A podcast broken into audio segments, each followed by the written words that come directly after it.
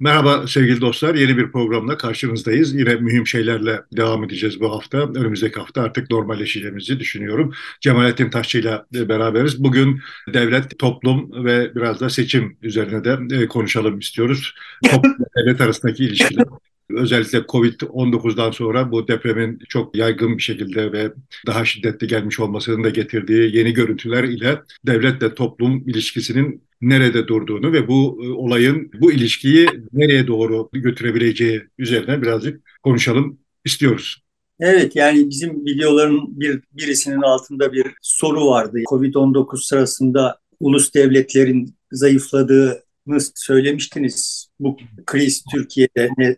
Sinan Can Kara söylemiş yazmış bunu bizim izleyicilerden. Evet diyor bu deprem ile beraber Türkiye için toplum devlet ilişkisinde nasıl değişim öngörüyorsunuz? Soru bu şekilde. Yani işte daha öncesinde böyle Covid-19'da devlet zayıfladı demiştiniz diye bir soru var. En sonda yine bir izleyici... Enes, e, Enes Yiğit'in e, sorusu, devletin kolluk bakımından güçlü ama halka karşı güçsüz olması mantıksız değil mi? Onca dinleme ve takip teknolojisi ve devasa bir bütçeyi yönetmesi her halükarda halkı güçsüz konumda bırakmaz mı? Şimdi yani bu soruların arka planında ne tür bir zihinsel kod olduğu varsaydığımı zannettiğimi de burada deşmeye çalışayım ve buradan derdimi ifade etmeye çalışayım. Şimdi önce şunu söyleyeyim yani devlet konusunda konuşurken işte Hobbes'tan, Hume'dan başlayıp filan böyle teorilere müracaat etmeyi bilmiyor değilim. Yani ben de az çok onlardan haberdar, uzmanı değilsem de haberdarım. Yani. Mesele şu, Hobbes'un, Hume'un sözüne ettiği devlet bizim içine doğduğumuz devlet değil. Tarihsel olarak devletin nasıl evrim geçirdiğinin analizinin bir faydası vardır evet ama böyle işte oturup da Hobbes'la, Hume'la filan falan çok fazla bulandırdığımız zaman içinde yaşadığımız gerçekliği anlamak zorlaşıyor. Ben kompleks sistemciyim ve kompleks sistemler mantığı içinde zuhur eden sistemler itibariyle bakıyorum. Ulus devlet kategorik olarak daha önceki devletlerden farklı bir formasyona sahip. Şöyle bir şey yani sözünü ettiğim. Sonuçta biz hepimiz sürüngenlerin soyundan geliyoruz. Ve evet yani birçok özelliğimiz sürüngenlerle ortak. Ama yani hiçbirimiz kertenkele değiliz ve aramızdaki fark çok bariz yani. O kertenkele biyolojisini, anatomisini vesaireyi biliyor olmanın kendimiz hakkında bir takım bilgiler üretmekte bir faydası var ama işte o kadar yani. Sonuçta mesela kertenkeleler gibi örgütlenmiyoruz, devletlerimiz var. Sonuçta şimdi bu benzerlikler ve farklılıkları dengelemek gerekiyor diye düşünüyorum. Benim derdim yani sonuçta oksijen ve hidrojen bir araya geliyorlar. Su meydana geliyor ama biz suyun davranışını oksijenin ve hidrojenin davranışından çıkarsayamıyoruz yani. Su emergent bir şey ve ulus devlet emergent bir şeydi. Zuhur eden bir şeydi yani. Dolayısıyla ulus devleti ulus devlet olarak farklılıklarıyla çok belirgin farklılıklarıyla analiz etmek gerekiyor. Şimdi bu analizlere girildiği zaman da ne oluyor? Şimdi birileri geliyor zaten işte ulus devletler kapitalist sınıfın filan falan. Ya kardeşim bak Türkiye Cumhuriyeti bir ulus devlet ve Ermeni mallarının üzerine oturmuş olanları kurdukları bir devlet ağırlıklı olarak. Birinci meclistekilerin büyük bölümü Ermeni mallarının üzerine oturmuş olan insanlar idi. Sonuçta ama bunların hiçbirisi kapitalist olmadı. Olamadılar, olmadılar. Neyse sonuçta devlet kapitalist olunamadığını gördüğü için Ermenilerin, Rumların, Yahudilerin mallarına bir defa daha çökmek zorunda kaldı. yani sonuçta Türkiye'nin kapitalistleri yok değildi, vardılar. Ermeni, Rum, Yahudiydiler ve devlet onların devleti olmadı. Ulus devlet onların devleti olmadı. Şimdi böyle çok ucuz, çok kestirmeden bir yani işte Marx'ı okuyup oradaki platonik ve çok şık formülasyonu gerçekliğe zorla dayatmanın bir manası yok. Yani son tahlilde hepimiz biliyoruz ki başımız yargıyla derde girerse, polisle derde girerse bizim başımızın derde girmesiyle Koç veya Sabancı ailesinden birinin başının derde girmesi arasında fark olur.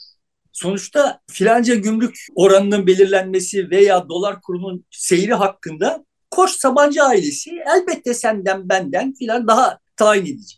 Ama sonuçta şunları unutmamak lazım. 40 yıl önce Ümraniye çayırlarına oturmuş olanlar kapitalist değildiler. Devletin verdikleri verdiği kararlar sonucunda varlıklı insanlar haline geldiler ve yine hiçbirisi kapitalist olmadılar. Yani kapitalist kelimesinin tanımı hakkında eğer mutabıksak onlar kapitalist olmadılar yani. Olsalardı zaten bir yaramız çözülmüş olurdu yani. Ke keşke tamam. olabilselerdi diyorsun yani. Yani bir açıdan bakınca evet öyle yani.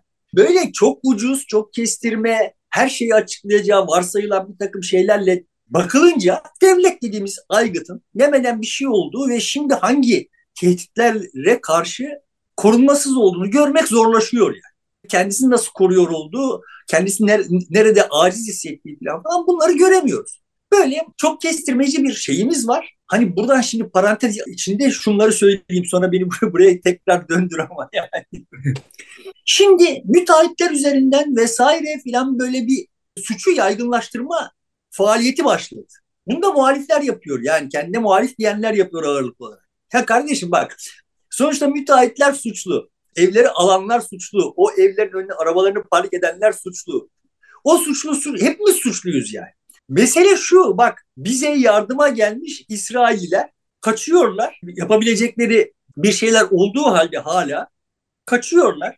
İspanyollar kaçıyorlar. Daha önce Taylandlılar kaçtılar. Avusturyalılar kaçtılar. Ve bu bir takım karar vericileri kendi üstlerine düşeni yapamadıkları için oluyor. Tuhaf tuhaf işler oluyor ve bunların müteahhitlerle efendime söyleyeyim işte seninle benimle bir alakası yok. Yani orada birileri var ve bu birileri kendi koltuklarını, kendi makamlarını, kendi buyurma kabiliyetlerini vesaireyi falan falan oradaki canların, enkaz altındaki canların veya cenazelerin veya hayatta kalmış ama işte ihtiyaçları karşılamıyor olan insanların meselelerinden daha çok önemsedikleri için oluyor. Ya bizim problemimiz şimdi bu kardeşim. Ya yani biz şimdi bir sonraki depreme hazırlık için neler yapılması gerektiğini konuşma makamında değiliz yani. Ya oraya gelmemiz gerekiyor, geliriz. Ama onları konuşmamız gerektiği zaman konuştuk. Konuşulmadı değil. Bu memlekette deprem 99'dan itibaren bilhassa da 99 depremi İstanbul'a çok, çok yakın olduğu ve bir İstanbul depremini e, beklenir kıldığı için İstanbul'da kendi başına kendisini Türkiye zannettiği için 99'dan beri biz bunları konuşuyoruz zaten. Konuşuyor olmamız problemi çözmüyor ise Hatta planlar yapıyoruz, senaryolar hazırlıyoruz. Güya hazırlıkta yapıyoruz ama sorun çözülmüyor. Evet yani sorun çözülmüyor ise başka bir şey var. Böyle müteahhit suçlayarak, şunu suçlayarak, bunu suçlayarak hedefi yaygınlaştırmanın bir manası yok. Sonuçta ama olay nereye geliyor? Benim açımdan kardeşim kendisi hesap vermek durumunda kaldığında hesap veremeyecek olan bir takım otoriteler toplum zaten böyle bunu ne yapalım ki noktasına getirdikleri için her konuyu bizim başımız dertten kurtulmuyor diyorum ben zaten. Ya da hemen hedef değiştirterek başka yeni suçlular bularak yok Suriyeliler, yok işte müteahhitler, yok oradaki kontrolü yapmamış olan mühendis falan deyip işin içerisinden kolaylıkla sıyrılabiliyorlar. İşte olağan suçlu olarak sonunda bu o kadar muğlaklaşıyor ki toplum suçlu.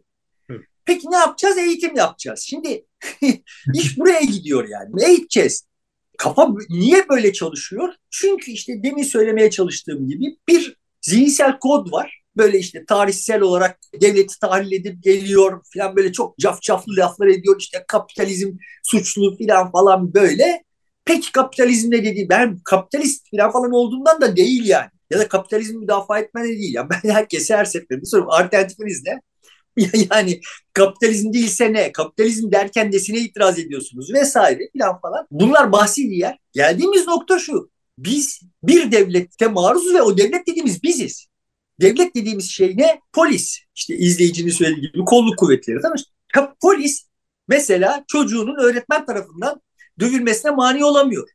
Öğretmen kim? Devlet. Devletin öğretmeni. Devletin öğretmeni de kendisini işte sokakta saçma sapan bir şekilde aşağılayan polisten koruyamıyor. Sonuçta devlet biziz ve ama her birimiz bir biçimde öyle bir koşullanmaya tabi tutulmuşuz ki işte hep böyle devletin tarihi, kapitalizm vesairelerden gelen akıllarla öyle bir koşullanmaya tabi tutulmuşuz ki elimize herhangi bir güç geçtiği zaman yani polis olduğumuz zaman ve top bizim sahamıza düştüğü zaman herkese tekme atıyoruz. Oyun okulun sahasına düştüğü zaman öğretmen herkese tekme atıyor. Neye yaslanarak? Devlet olmaya yaslanarak. Kendi bildiğinin hiç şüphesi yok ki bir öğretmen bir konunun nasıl öğretileceğini bir polisten daha iyi biliyordur.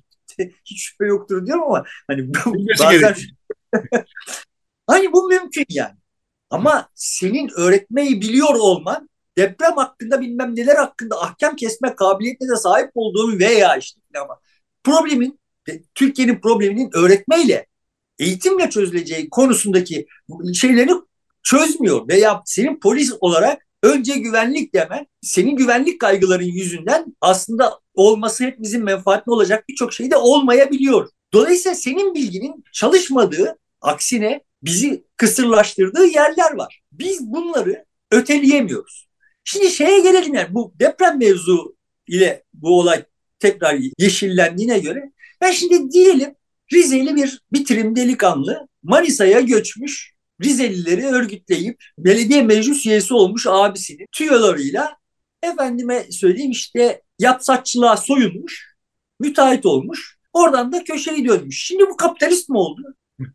Ya da kapitalist olduysa bu yani şöyle mi oldu? Bu kapitalisti ve bu devleti manipüle edip etme kabiliyetine sahipti. O yüzden olaylar böyle mi oldu? Öyle olmadı. Adam adamı devlet kapitalist yaptı. Eğer kapitalistse. Eğer öyle değilse zaten kapitalistlerin devleti değil bu devlet. Tamam yani bu kadar basit değil olaylar. Burada son derece karmaşık bir ilişkiler ağı var ve bu ilişkiler ağının nasıl evrimleşiyor olduğuna bakmamız gerekiyor. Şimdi benim iddiam şu, devletlerin elinde olağanüstü güçler var. Kolluk kuvvetlerinin elindeki güç, devletin asıl gücünün yanında devede kulak. Yani asıl güçleri işte kültürü tırnak içinde enformasyonu manipüle etme kabiliyeti yani Althusser'in tabiriyle devletin yumuşak aygıtı. Bunlar üzerinden o okul üzerinden asıl formatı geçiriyor devlet. Bizi kendi istediği şekilde inandıran aygıtları başka. Ve bu aygıtlar üzerinden bize makine gibi bir düzen, fabrika gibi bir düzen empoze ediyor yani. Nasıl bir düzen bu? Herkes işini bilecek işte polis polisliğini, öğretmen öğretmenliğini ama yani fabrikadaki işte tornacı torna yapmayı bilecek, öteki planyacı planya yapmayı bilecek atölyedeki, işte muhasebeci muhasebeyi bilecek filan falan. E, en yukarıda bir tane yönetim organı olacak. O planlamak vesaire filan falan kararlarını verecek ve işte her şey yolunda olacak. Eğer yolunda değilse demek ki bu fabrika düzenini kuramamışız. Niye kuramadık? Toplumun yüzünden. Şimdi olay buraya varıyor. Halbuki ben diyorum ki bak bu fabrika düzeni toplumu modellemek için doğru bir model değil. Doğru bir modeldi. Ulus devlet böyle bir şeydi. Neden doğru bir modeldi? Çünkü öncesindeki katıksız ya önceki önceki devlet katıksız despotizmdi. Onunla kıyaslandığında katıksız despotizm ne demek? Fabrikada yok ortada.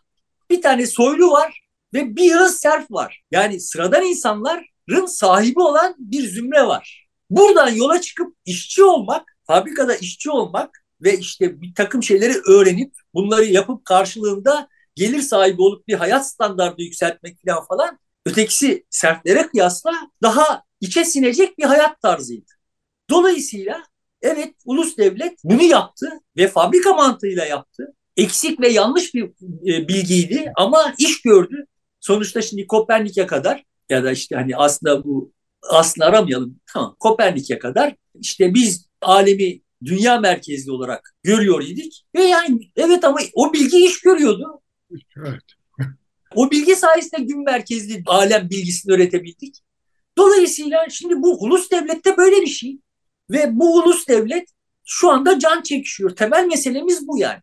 Ben benim derdim bu. Şimdi bu ulus devleti tamir etmeye çalışmak devlet bahçeli kafasıyla böyle filan falan işte ah baba şuna buna söverek falan bunları tamir etmeye çalışmak, eski ulus devleti kurmaya çalışmak bu alemde, bu dünyada mümkün değil. Neden değil? Ona da gelelim. Toplum zaten, daha güçlü. Zaten şey de değil yani ulus devlet de tam anlamıyla diğerleriyle karşılaştırdığımızda onlar kadar da muhkem tam çalışan bir devlette değildi. Orada da çok eksik vardı. Dolayısıyla onu şimdi yeniden ihya etmeye kalkmış olmak tam anlamıyla da ulus devletini ihya etmiş olmak anlamına da gelmiyor Türkiye için. Çok belirgin değil mi? O çok işte ünlü Erzincan depreminden sonra kimse yani orada o kadar can telef olmuş kimse devlete şuna buna hesap soramıyor idi. Evet. yani kimsenin aklına hesap sormak gelmiyor idi. Gelmiyor. Yani. Tamam şimdi bu bu bir ihtimal değildi yani. E şimdi öyle değiliz. Yani demek ki güçlenmişiz. Ya şimdi hesap sorabiliyoruz. 99'dan sonra hesap sorabildik. Sonuç alamadık. Ayrı bir şey bak yani toplumun 39'dan 99'a gelen 60 yıl içinde nereden nereye geldiğini görüyoruz. Şimdi bu ulus devlet sayesinde oldu falan falan Olduysa öyle oldu tamam ama yani öyle olmuşsa da eğer o sayede olmuşsa da son tahlilde onun öyle olmuş olması artık ulus devletin eski şekliyle yürüyemeyeceğini gösteriyor. Zaten yürüyemiyordu ve durmadan taviz veriyordu. Elleri, elinde kolluk güçleri şunlar bunlar olduğu halde veriyor idi yani.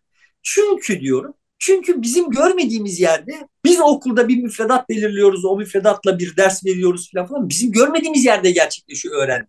Biz zannediyoruz ki ya da zannetmemiz isteniyor ki o müfredat sayesinde oluyor ya da bize zannettiriliyor ki, zannetmemiz isteniyor ki işte sokaklarımız polisler, bekçiler sayesinde güvenli. Değil.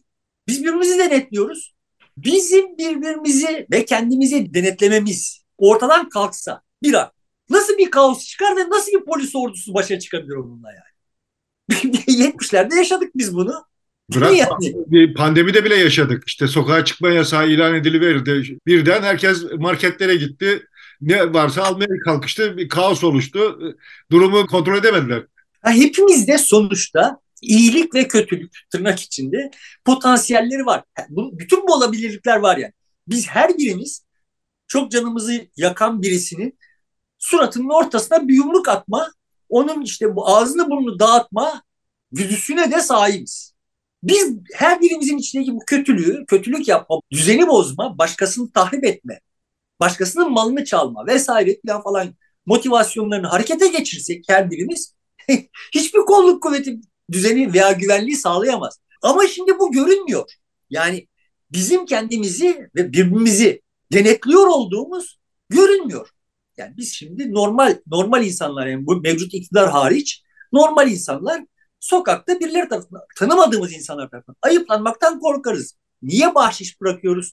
Bir daha hiç gitmeyeceğimiz bir restoranda hesap ödedikten sonra niye bahşiş bırakıyoruz?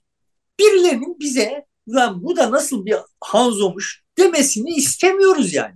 Bunun sonuçları görünmüyor. Bu bu tür şeyler var. Düzenin vesaire falan asıl kurucu unsurları bunlar. Ama bize ne empoze ediliyor? Orada eğer devlet bahçeli olmazsa siyaset çökecek, polisler olmazsa güvenlik çökecek. Ya öyle bir dünya yok. Polislere elbette ihtiyaç var. Benim bir itirazım yok. Ama arkada görünmeyen okulların yapmadığı polisin yapmadığı, devletin diğer kurumlarının yapmadığı olağanüstü bir bilgi ve davranış kodu var. Bu zaman içinde evrimleşiyor. Evrimleştiği için de onun evrimleşmesiyle devletin evrimleşmesinin arasındaki hız farkı makası büyüttü. Benim söylediğim şey bu. Ama Türkiye'deki kriz yani bu deprem krizi Türkiye'deki devleti zor duruma düşürebilir. Ekstra yani Covid'in üzerine bir de bu bindiği için ama bu dünya krizine ekstra bir şey yapmaz. Fakat dünyada zaten modern devlet olağanüstü bir stres altında yani. Ama Covid'le o stres arttı. Üstüne bu Rusya-Ukrayna savaşı ile arttı. Bu işin nereye doğru gideceğini tahmin etmek mümkün değil. Çünkü bu şöyle bir şey değil yani. Yukarı çıkıp baka, bakabileceğimiz bir hikaye değil. Bu bizim yapıyor olduğumuz bir hikaye. Biz yapıyor olduğumuz için ne yapacağımızı bağlı olarak gerçekleşecek ve işte durmadan önümüze takoz olarak ya ben hakikaten böyle dumura uğruyorum yani şimdi yani adam başlıyor akıllı akıllı filan falan yani olup biten şu Kahramanmaraş depremiyle birlikte olup biten üzerine akıllı akıllı konuşmaya başlıyor filan. Sonra olay geliyor işte yani böyle kapitalizme efendim. Ya bir dakika kardeşim bak burada enkaz altında insanlar var ve enkazdan çıkmış çadır bulamayan insanlar var. Ama devlette işte şu kadar çalıştı. Tamam çalıştı. Yani bir, dün bir tanesi, bir, trollerin bir tanesi, ben aslında CHP'liyim ama hep böyle başlıyor troll. Süleyman Soylu'nun ne kadar yorgun o. Ya kardeşim bana Süleyman Soylu'nun yorgun olması gerekmiyor ki. Hiç yorulmasın ya. Tercihim bu yani günde 8 saat güzel güzel uykusunu uyusun. Cilalı ayakkabılarıyla geçsin ama problem çözülsün. Problem çözülmemiş Süleyman Soylu'nun ne kadar yorulduğunu anlatıyor bana. Kıyamet gibi bir şey varmış ortada. Var evet kıyamet gibi bir afet bu. Tamam kabul ettim. Ya bu sizin İspanyolları kaçırmanızı gerektirecek bir şey mi kardeşim? Bu sizin yabancı düşmanlığınızdan kaynaklanan yani üstünüze gelen mermiyi başka yerlere sektirmek için uydurduğunuz şeylerin sonucu olarak olan bir şey. Yani orada Acizsiniz. canlıyı kurtarıyor onlar çalışıyor çalışıyor tam çıkaracağı zaman da çekilin e, deyip sizin göreviniz bitti deyip devralıyor. Şimdi bunun neresi e, ahlak neresi güç organizasyonu ya bu yağma başka bir şey değil. Evet yağma talan ve sizin yağmacılığınız talancılığınız yüzünden biz itiraz ediyoruz. Yorulmuyorsunuz diye itiraz etmiyoruz ki. Yoruluyorsunuz çünkü o koltuklardan o poponuzu kaldırmak istemiyorsunuz. Yoksa kimseyi kurtarmak diye bir derdiniz yok. Bizim itiraz ettiğimiz ve ya şu anda üzerine konuşulması gereken mevzular bunlar ya. Bunları konuşmuyoruz da böyle bilmiş bilmiş dandik dundik bir takım hikayeler konuşuyoruz. Devlet Bahçeli çıkıyor her zaman ya, yapması gerekeni yapıyor. Şimdi sonuçta biz eğer mesela tipik misali bunu Kızılay. Kızılay tırnak içine bakacak olursan devlet değil. Bir dernek. Sivil bir oluşum yani. Biz yoksak, biz kan vermezsek, biz Kızılay'a yardım etmezsek Kızılay'ın bir yere çadır kuracak ve bir takım kan ihtiyacını karşılayacak kabiliyeti yok. Biziz bu. Bizim örgütlenme şeyimiz bu. Şimdi bizim bütün örgütlenmemizin her türlü örgütlenmemizin devletin üzerinden olması durumunda ortaya çıkacak tablonun daha sağlıklı olacağı varsayımı ulus devlet idi. Hı. Tamam benim derdim burada. Bana deniyor idi ki yani okullarda vesaire falan falan müfredatla değil formüle okulun. Bize deniyor idi ki orada bir tane otorite olacak. Sen onun sözünü dinleyeceksin. Onun öğrettiğini öğreneceksin. Ve işte her şey yolunda olacak. Böyle bir dünya tasavvurunu bize makine gibi, fabrika gibi bir dünya tasavvurunu bize devlet dayattı ve bu dayatmanın sonu yani bize bunu dayatana devlet diyoruz biz. Yani bunu da dayatan işte sonuçta senin ablan, benim kız kardeşim, öğretmenler vesaire işte bütün hepimiz bu organizasyonun içindeyiz. Ben yıllarca devlet memurluğu yaptım ve işte yani sonuçta o organizasyonun bir bileşeni olarak fonksiyonumu üstlendim yani. Tamam ama bununla problem çözülmüyor. Hocalık yaptım. Bununla öğrenme öğretilmiyor. Belediyeye danışmanlık yaptım. Bununla şehircilik öğretilmiyor yani. Türkiye'de ve dünyada bütün nesiller kadim tarihlerden bu yana dere yatağına ev yapılmaması gerektiğini bilirler. Yani insanlar dere yatağına ev yapmazsa bilmediklerinden yapıyor değil. Devlet bize diyor ki senin nereye ev yapabileceğini de ben senden iyi bilirim. Ve işte sen buraya ev yapabilirsinin zımnen söylüyor. Ayamama derisi taştığında İstanbul'da hatırlıyorsun. Çok. Rezalet olmuştu. İşte geçen de Kastamonu'da başka bir rezalet oldu. İnsanlar oraya ev yapmamaları gerektiğini bilmiyor olduklarından yapmadı. Devlet onlara icazet verdi kardeşim. Devlet bilmiyor, insanlar bilmiyor değil yani. Ve bize bu bilmeyen devlet durmadan sen, bir dur bakalım ya her şeyi ben biliyorum deyip duruyor işte sıkıntı burada. Bunu konuşmamız gerekiyor. Şu şartlar altında böyle... Biraz önce Kızılay dedin, sivil toplum örgütü, dernek idi. Türk Hava Kurumu da benzer bir şeydi. Bunun bile faaliyetini yürütmesi, güçlenmesi arzu edilmedi. Onun yerine işte AFAD geldi. Bir devlet birimi örgüt olarak geldi. O konmuş oldu. Yani burada da şey kendisini almış oldu. Toplumun oradaki gücünü, ufacık hafif bir gücünü bile yok saydı. Evet. Aslında Kızılay'ı da devletleştirdiler zaten de bir manada. Yani te- teknik olarak, e, hukuki olarak olmasa da teknik olarak devletleştirdiler. Ama yani sonuçta işte bize durmadan deniyor ki ve anlaşılan o ki bak yani Aa biz şimdi başımıza bir felaket geldi. Aa demek ki müteahhitleri daha iyi denetleyecek, devlet devletin müteahhitleri daha iyi denetleyeceği bir, takım mekanizmalar ihtiyacımız var filan sonuçları çıkıyor. Ben ben ifrit oluyorum yani. Ya bak bu, buradan biz çözüm üretmiyoruz. Buradan durmadan yeni problemler üretiyoruz. biz 99 depreminden sonra işte bu şeyleri denetleyecek kurumlar icat ettik. Ve o denetleyecek kurumlar üzerinden devlet olaya vaziyet ettiği için iş bu kadar vahim hale geldi yani. Bizim sonuçta bir tekrar hani geçen programda söylemiştim. Bizim kendi hayatımızın ve kendi çevremizin sahibi olduğumuz devletin bize buyurmadığı bir dünyada ancak biz bu problemleri çözebiliriz. Biz öğrenerek, biz kararlara katkıda bulunarak vesaire falan falan bunu biz güçlenirsek bu problemler çözülebilir. Devlet güçlenerek yani devletin güçlenmesi burada ne demek? bu kararları daha çok devlet kurumuna, daha çok yönetmeliğe, daha çok bir şeye devretmeye kalktığımız zaman bizim başımıza gelecek felaket daha büyük olacak yani. Israrlı bir biçimde bu bu güzergahı açık tutuyoruz. Çünkü devlet tarafından devletleştirilmişiz yani. Devlet kamulaştırılmışız. Zaten devlet gibi düşünmeye başlıyor bütün bireyler zaten. Kamulaştır, zihnen kamulaştırılmış durumdayız yani. Tamam mı? Bu zihinsel kodu çözmemiz gerekiyor. O yüzden de ben şimdi ısrarlı olarak kendi uzun tarihim boyunca yani bana çok uzun görünen tarih boyunca düşüne taşına falan falan vardığım iki tane temel şey var, önerme var. Birincisi insan iyidir. İnsana güveneceksiniz. İkincisi kardeşim kusurlu bile olsa bir sıradan insanı bir otoritenin karşısında tutacaksınız. Onun yanında yer alacak. Ancak onun yanında yer alarak onu güçlendirebilirsiniz ve ancak o güçlenirse, o da güçlenirse hepimiz daha güçlü oluruz. Da yani her hani yine mekanik bir benzetme yapayım ben de tutamayayım kendimi. Sonuçta her zincir en zayıf halkası kadar güçlüdür. Sonuçta bizim en alttakiyi, en alttakileri güçlendirmemiz gerekiyor. Bu sosyalistlikse sosyalistim, kapitalist falan değilim yani. Tamam ama sonuçta sosyalistlik bu olmaktan çıktı. Orada yine böyle bir devlet kurup o devlet üzerinden insanları tanzim etmek haline almış bir şey. Buna bakarsan kapitalizm bunun tersi o zaman da kapitalist oluyorum. Ve bu kavramlar bizim durumumuzu açıklamıyor diyorum yani. Bak bu kavramlarla artık bir şey bir şey yol alamıyoruz. Alabilse, alabilecek olsak dükkan sizin ya canı feda benim. De, ne derdime yani ne güzel başkalarının imal ettiği kavramlar varken ben de şimdi niye kafamı yorayım yani. Ama bak bunlar problemi çözmüyorlar. Bana durmadan böyle kapitalizm kapitalizm lafları etmeyin kardeşim. Kim bu kapitalizm ya söyleyin bir hep beraber dövelim yani. Şimdi buradan gelmiş olduğum nokta neydi benim biliyorsun yani.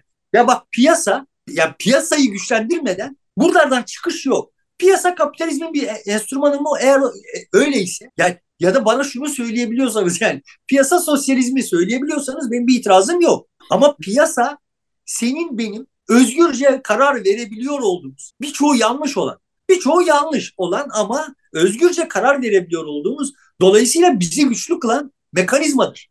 Ve her alanda bu piyasanın yaygınlaştırılması gerekir. Tırnak içinde piyasa konseptini bana hem sıradan insanların en alttakilerin yanında olduğunu söyleyeceksin hem onun adına kararları senin vermeye vermen gerektiğini söyleyeceksin. Bu olmaz yani. Bu kararlı insan dediğin karar veren canlıdır. Geçen gün bizim programda bir şey bağlandı. Dedi ki biz deprem vergisi veriyoruz e, devlete. Halbuki onun yerine binayı sigortalandırmış olsak, sigorta vergisi versek. Çünkü adam binayı sigortalamak için bakacak sağlam mı değil mi diye. Dolayısıyla biz de vatandaş olarak ev alırken bu sigortalı mı diye soracağız. Yoksa tek tek gidip biz evin jeolojik olarak mimari olarak, inşaat olarak ne kadar depreme uygun olduğunu nereden bileceğiz diye bir öneri attı mesela. Bu da e, piyasayı canlandırmak adına başka bir formülasyonu devreye sokuyor. Bu işte piyasa. Şimdi sen piyasanın yerine devlet denetimli bir takım denetim kuruluşları kuruyorsun. O elini taşın altına koymuyor bedel ödemeyecek. Ama sigorta kuruluşu bedeli ödeyecek. Bedeli ödeyeceği için işi doğru yapmaya çalışacak. Dolayısıyla hepimiz piyasa sayesinde daha güvende olacağız. Güzel bir öneri yani.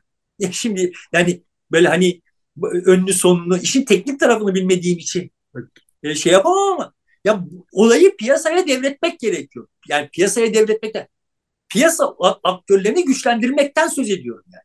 Her birimizi her birimize güvenilmesi, her birimizin birbirimize güvenmesi ve bizden başka güvenilecek bir şey yok ortada. Bu görünüyor işte şu başımıza gelen afette de görünüyor. Bizden başka güvenecek kimse yok kardeşim. Çünkü senin oraya koyduğun o devletlular kendilerini düşünüyorlar. Adamın koruma ordusu trafiği engelliyor, işte e, yardım akışını engelliyor vesaire, kurtarma çalışmalarını engelliyor. Adam kendini düşünüyor yani. Kendi koltuğunu düşünüyor. Seni mi düşünecek yani? Orada 100 kişi fazla ölmüş. Zaten şu kadar kişi ölmüş yani. Ve bunu neyle meşrulaştırıyoruz? Devlet evet bir devletin beka, bekası. Ya kardeşim devletin bekası eğer insanların hayat standartına ya hayatta kalmasına ve hayat standartına endeksli değilse sonuçta biz ucuzlarız. Ve bu devletin kolluk kuvvetlerinin ve elindeki enformasyon gücünün filan falan şeyi değil. Bak biz biz zehirliyiz yani. Biz birbirimizi suçlayarak birbirimizi suçlayamadığımız zaman aramızdaki Suriyeliler suçlayarak vesaire devletin hedef çarpmasının aracı oluyoruz yani. Dolayısıyla bizim tam da bu günlerde münasıran ve sadece bu karar vericilerin bu kararları verememiş olmaları üzerine yoğunlaşmamız gerekiyor. Akabinde de şu bilince ulaşmak için yani. Zaten veremezler. Adamlar kötü olduklarından olmuyordur. Adamlar ilahiyat mezunu olduklarından da olmuyor. Bir insan ilahiyat mezunu yani sonuçta AFAD'ı yönetmek için yönetim bilgi becerisine ihtiyaç var. Yönetim becerisi de böyle yönetim profesörlerinde falan falan çok bulunan bir şey değil. Yani ben bunu defalarca test ettim. Yani sonuçta Eskişehir'de birçok firma, zor duruma düşmüş firma böyle yönetim profesörlerinin kayyum olarak atandığı firmalar oldu ve anında çöktüler. Dolayısıyla o yönetim becerisi başka bir şey.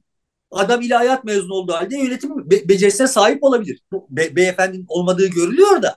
Ama yani zaten onu oraya getirenin de böyle yönetim becerisi falan, falan aramadığı da görünüyor. Problem buralarda. Biz böyle işte pratik fabrika türü çözümler yani AFAD'ın başına işte arama kurtarma faaliyetlerinden anlayan uzmanlık bilgisine sahip birisi gelecek. Şıp diye problemler çözülecek. Şuraya da işte şu bilgiye sahip biri. Böyle değil dünya. Dünya böyle çalışmıyor ve fabrika değil yani. Bu bir organizma. Bak organizma olduğu nereden belli? Türkiye'nin onda biri çöktü. Tam bir hani şimdi bir köpek düşün ki bir ayağını araba ezdi. O bir ayağını sürükleye sürükleye üç ayağıyla hayatına devam etti. Şimdi Türkiye'nin durumu bu yani. Bir ayağı ezilmiş bir köpek. Bir makine olsaydı, bir fabrika olsaydı ve bu kadar çökseydi fabrika tamam üretim yapamaz hale gelirdi.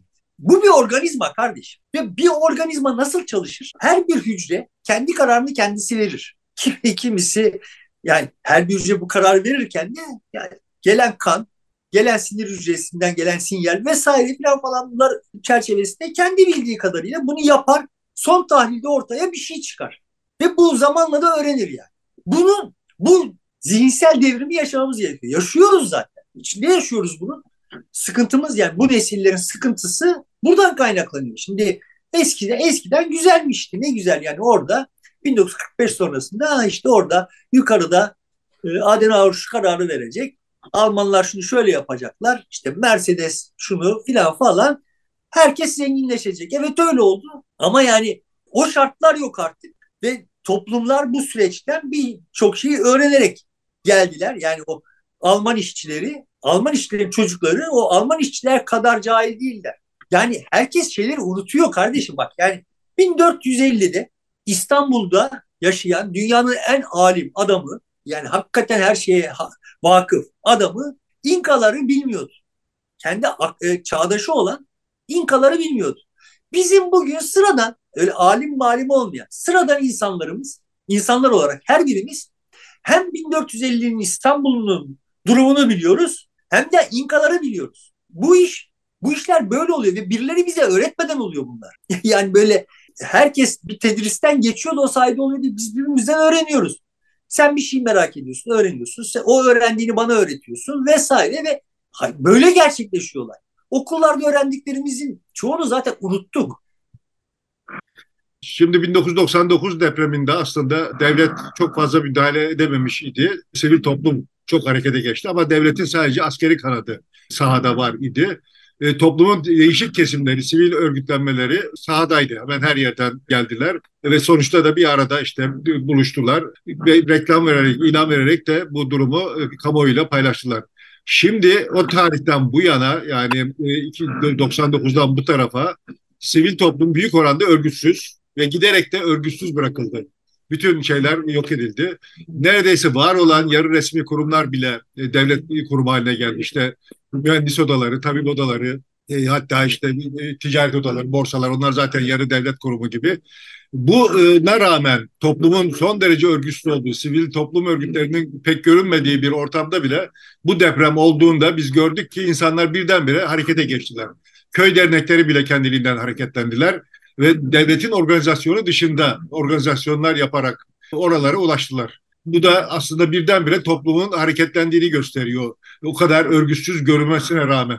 Evet şimdi sonuçta temelde yaşadığımız şey ne? 99'a geldiğimizde biz yani o 90'ların 90'larda yaşananlar yüzünden toplumda birikmiş olan şüpheler, devlet hakkındaki şüpheler sonuçta böyle sivil örgütlenmelerin aniden bahar görmüş, toprak gibi çiçeklerini vermesine sebep olmuştu. Ve ama işte sonuçta olan ne oldu? Bu tırnak içinde devletçi zihin yani herkeste var olan devletperest zihin yüzünden onların her birisi kolaylıkla düşmanlaştırılabildi ve sivil toplumun üzerine özellikle 2015'ten sonra Erdoğan fütursuzca gitti. İmha etti. Yoksa biz şimdi çok daha donanımlı bir sivil toplumla bu depreme müdahale etme şansına sahip olacaktık ve devletin bütün acizine rağmen daha çok can kurtarmak ve kurtulmuş olan canların da daha kolay adapte olmasını sağlama şansına sahip olacaktık. Temel sıkıntı burada. Dolayısıyla şimdi burada devletin sivil toplumla mücadelesine nasıl farkına varmadan destek verdik. Her birimizin bir tefekküre ihtiyacı varsa burada var. Her birimiz buna destek verdik. Öyle veya böyle. Yani işte okulu öne, öne sürerek her seferinde liyakat laflarıyla, şunlarla bunlarla yani liyakat lazım bir şey. Benim bir itirazım yok. Ama liyakatın içini doldurmadan bir diplomayla ilişkilendirip ortalığa salmakla vesaireyle filan ama son e, tahlilde aslında birbirimize güvenmemek. Çünkü onun kaşının altında gözü var, bunun gözünün üstte kaşı var vesaire. Herkes de bir kusur bularak ve ortaya çıkan olumsuzlukları da bu kusurlarla açıklayarak biz devletin sivil toplumun üzerinden geçmesine, kadastro geçirmesine seyirci kaldık. Katkıda bulunduk. Şimdi buna rağmen senin dediğin gibi örgütsüz halimizde bile ne olduysa ne yapıldıysa biz yaptık yani. Ben o sivil toplum örgütlerinin pek çoğunun da zaten hani göstermelik şeyler olduğunu çünkü yine o mekanistik anlayışla yani örgütlenelim diyenlerin hepsinin böyle bir mekanistik anlayışı var. Ama onlar zaman içinde evrimleşeceklerdi. Ama bu seferdeki fark da galiba o sosyal medya üzerinden insanların çok e, bir e, birbiriyle temas kurup kendiliğinden harekete geçmiş olmaları çok daha anlamlı. Küçük e, sivil toplum örgütleri de dediğin gibi tam anlamıyla işler göremiyordu. Vardılar ama fonksiyonlar o kadar yüksek değildi. Ama şimdi kendiliğinden sanki büyük bir başka iş, hadise oldu. Bu burası da aslında çok daha kıymetli. Evet yani buradan tabii yani bu, her halükarda yine de burada söylediğine katılıyorum. Bu daha kıymetli. Ama bunun da yetersiz kaldığı, koordine olmakta yetersiz kaldığı filan falan çok bariz görünüyor. Dolayısıyla şimdi bunun ama ne oldu işte bu koordinasyonu sağlamak için orada bir takım yazılımcılar kütle bir, bir, bir ihtiyacı karşılamak için bir yazılım ürettiler. Burada başkaları başka yazılım ürettiler hala üretiliyor filan falan. Yani sonuçta buradan da bir şeyler öğreniyoruz. Çok yüksek maliyetli ama bir şeyler öğreniyoruz yani. Ama bi, bizim bu öğrendiklerimizin de üzerinden geçecekler. Geçmeye teşebbüs edecekler. Yani vay siz yapamazsınız yazılımı biz yapacağız. Devlet yapacak o koordinasyon yazılımı falan falan demeye başlayacaklar. Sonuçta bu bir mücadele. Yani biz ulus devletin kendisini korumak için verdiği manasız mücadeleye karşı, manasız dirence karşı bir mücadele içindeyiz. Evet. Bilinçli bilinçli. Bunun örneğini gördük Devlet Bahçeli grup konuşmasında çok net bir şekilde hem ahbap e, yapılısının üzerine gitti örgütlenmesinin hem de Babala TV'nin üzerine gitti. Ya kullandığı terimler çok bariz ya diyor ki ya devletin itibarını sarsamazsınız orada bilmem kaç 10 bin kişi ölmüş. Dert değil yani mesele devletin itibarı. Adamın kafası bu yani. Burada da çok o, ilginç bir örnek şu Hatay Havalimanı'nı işte e, hasar gördü. Dolayısıyla kullanılamaz hale gelmişti. Üçüncü gün Ankara Büyükşehir Belediyesi biz burayı düzeltiyoruz işte dedi. Ve devlet birden bundan çok rahatsız oldu. İGA yapsın dedi. İGA da İstanbul'daki işte havalimanını işleten bir özel şirket. Devlet de değil. O gelip tamamlamış oldu. Yani burada işte muhalif bir belediyenin oraya yapıyor olmasından hoşnut olmadı ama bir şirketin yapıyor olmasından hoşnut olmuş oldu. Kendisi gene gelemedi yani. Evet. Sonuçta şimdi yaşadığımız hadisede adam saklamıyor. Adamlar saklamıyorlar dertlerini. Adamların dertleri sen ölmüşsün, aç kalmışsın, soğukta çıplak kalmışsın umurunda değil. Adam devletin itibarını düşünüyor. Düşünüyor. Şimdi kendince yani bunu da son derece makul bir gerekçeye de yaslıyordur yani. yani devletin itibarı yoksa eğer bir sonraki depreme müdahale edemeyiz. Devletin ayakta kalması lazım. Neden? Çünkü işte dünya tasavvuru fabrika tasavvuru. Toplumu fabrika olarak görüyor. Adamın şeyi bu yani. Şimdi fabrikayı biz fabrikanın organizasyonunu koruyamazsak iş yapamayacağız. Yani kötü olduğundan yapmıyor bunu. Bu zihinsel kod hepimize öyle veya az veya çok dağılmış durumda ve bu aşınıyor. Ve benim derdim burada. Yani aşınmasın desen de aşınıyor, aşınsın desen de aşınıyor. Benimki bir temenni veya bir talep değil, benimki bir tespit yani. Aşınıyor. Dolayısıyla başka bir fayda geçeceğiz. Galiba toplumda şu bir harekete geçme noktasında hiçbir sorun yok. Ee, bir araya geliyor, organize olabiliyor. Ama işi koordine etme, baştan sona uygulama, hayata geçirme konusunda sivil toplumun biraz daha çalışması gerekiyor galiba. O zaten olabilecek bir şey değil. Tekrar söylüyorum sonuçta her hücre kendi bildiğini yapar. Sonuçta ortaya bir şey çıkar. Bu kendiliğindenlik kin önüne engel çıkartı, çıkartılmasa şimdikinden daha iyi sonuçlar ortaya çıkacak diyorum. Ama engel çıkartılıyor. Devlet dediğimiz aygıt burada kendisini korumak için, bizi korumak için değil, kendisini korumak için, kendi mevcudiyeti için engeller koyuyor. Ve biz bu engellere gönüllü katkı veriyoruz. Yani evet şimdi orada yönetmelikler daha sert olmalı, müteahhitleri yargıya teslim etmeliyiz. Yani müteahhitleri yargıya teslim etmeliyiz. Benim bir itirazım yok yani. Ama buradan çözüm üretilebileceği var, zannını üretmek yanlış bir şey. Bu yanlışı da böyle bunları da yaşaya yaşaya öğreneceğiz.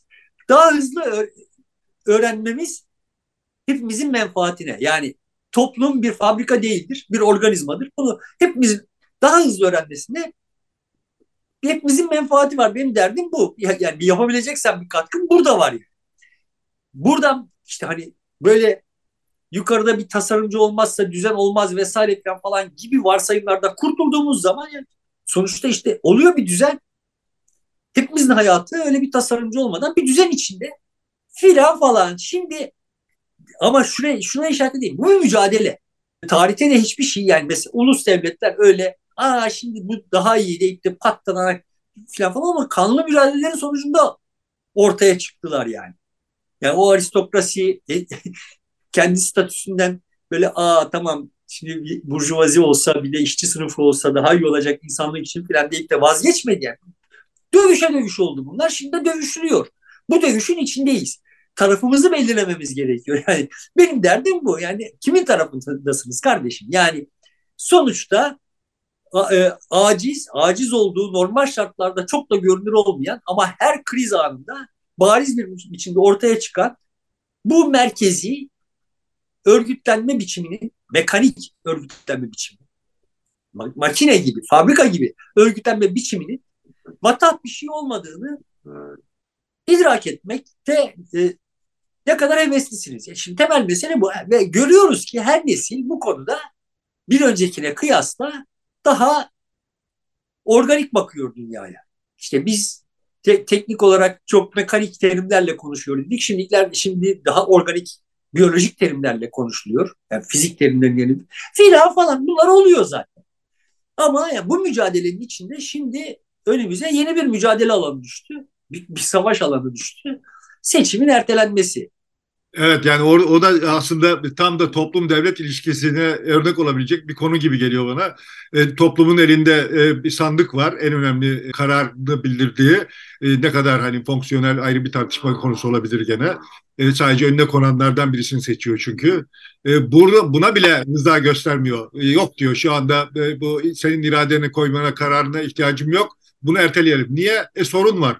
Ben bu sorunu çözmeliyim. E, çözemedin sorunu bir an önce gitmen gerekirken hayır e, daha süre ver bir yıl daha süre ver talebiyle çıkıyor toplumun karşısına.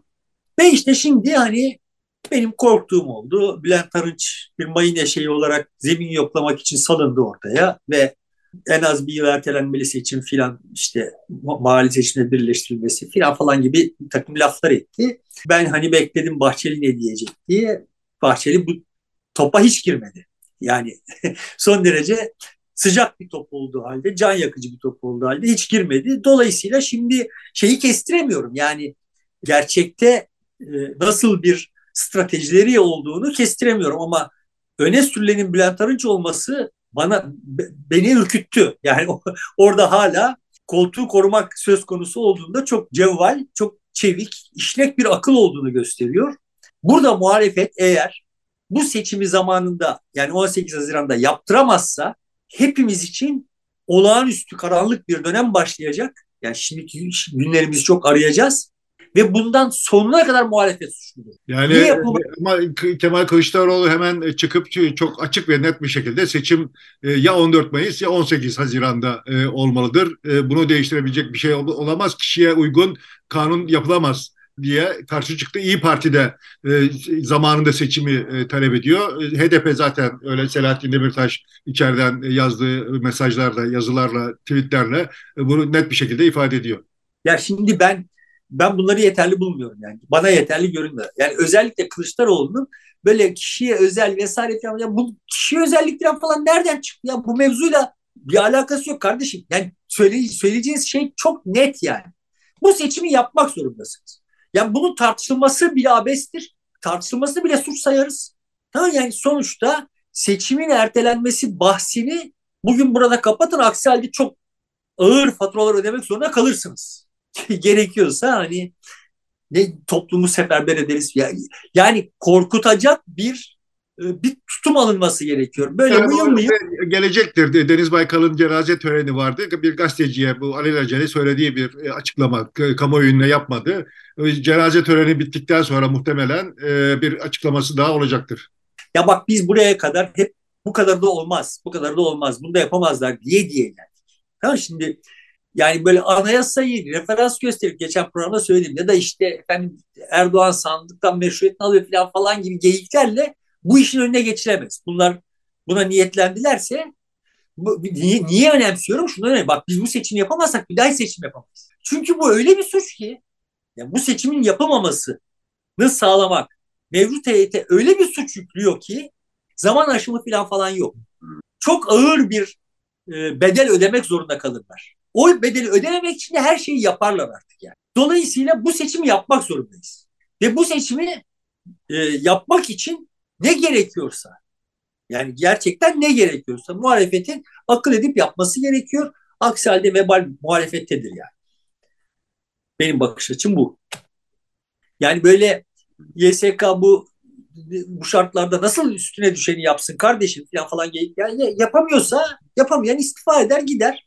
Yapacak olan gelir yani. Yani Hocam YSK'nın içi seçimi iptal etmek değil, seçimin yapı şartlarını oluşturmak, yapmaktır. O başka bir bir şey yok. Yani ben bu şartlarda seçim yapamıyorum demek, ben bu devleti çalıştıramıyorum anlamına gelir ee, bir aziyet. Ayrıca bir de seçim yapmamak, e, hani sen güçlüydün, hani büyüktün, bu sorunları kısa sürede hallediyordun. Bir seçimi bile yapamıyorsun. Efendim sandık koyamaz da, yapılamaz da, yarısı oradan gidecek de 67 81 vilayete koy sandıkları olacak 3-5 yere 10'ar e, tane o 10 ildeki oradaki vatandaşlar da gelip orada pekala oy kullanabilirler yani. Ya da onlar e, şeyle gönderebilirler. E, 10 gün önceden kullanabilirler. 10 günlük süre verilir onlara. E, bir yerlerde gelip oylarını kullanabilirler. Ya da 20 günlük. Yurt dışında yapılan şeyler burada da yapılabilir pekala çok rahatlıkla. Yani nasıl nasıl bunu yapılması gerekiyor ve yani bunun çözümünü bulmak da dediğim gibi güçlü devletin işi. Madem çok güçlü devlet bunu da çözsün yani. Dediğim gibi de yapamayacak olan gitsin, yapacak olan gelsin kardeşim. Yani sonuçta Türkiye'nin e, yargıç kıtlığı yok. Yani YSK'da bu, ben bu işi yapamıyorum diyor diyen var ise yapamam bu şartlarda diyen var ise gitsin yapacak olan gelsin yani. Bir de Dolayısıyla diye hani rakam çok söyleniyor 13,5 milyon deniliyor ama mesela şimdi Adana, Diyarbakır, Gaziantep e, çok az e, etkilendi e, bu depremden. E, asıl nüfus da orada. Asıl etkilenen Tabii. Maraş, Maraş, Hatay, işte e, Osmaniye, Adıyaman e, gibi iller. Biraz da Tabii canım. kısmı. Evet. Tabii canım öyle söylendiği gibi abartıldığı gibi bir hikaye de yok ortada. Yani so, evet Adıyaman'da nasıl seçim yapılır? Zordur şartlar. Ama yani dediği gibi bu sonuçta dar bir bölge yani. Türkiye bu seçim yapmak zorunda ve yani şuna işaret edeyim. Yani serbestiyede de yazdım da yani sonuçta bu seçimi bu seçimin yapılması ve Erdoğan'ın kazanması bu seçimin yapılmadan Erdoğan'ın orada durmasına farklı kategorik olarak farklı bir şey yani. Bunun farkına varalım ve Erdoğan yapsın seçimi kazanırsa kazansın yani. Yani seçim yapılıp Erdoğan'ın kazanması seçim yapılmamasından daha e, yeydir diyorsun yani. Her halükarda. Mukayese kabul etmez. Bir seçim yapılır Erdoğan kazanır. Muhalif kesim hayal kırıklığına uğrar falan. Ama sonuçta bir sonraki seçime hazırlanır.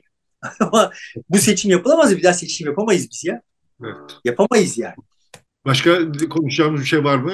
İşte Yok bugünlük burada keselim senin fazla gürültün var. evet biraz öyle e, komşulardan çok gürültü geliyor. Tadilat var yan tarafta. Peki sevgili dostlar burada bitiriyoruz. Hafta sonu görüşmek haftaya bakışta görüşmek üzere. Şimdilik hoşçakalın.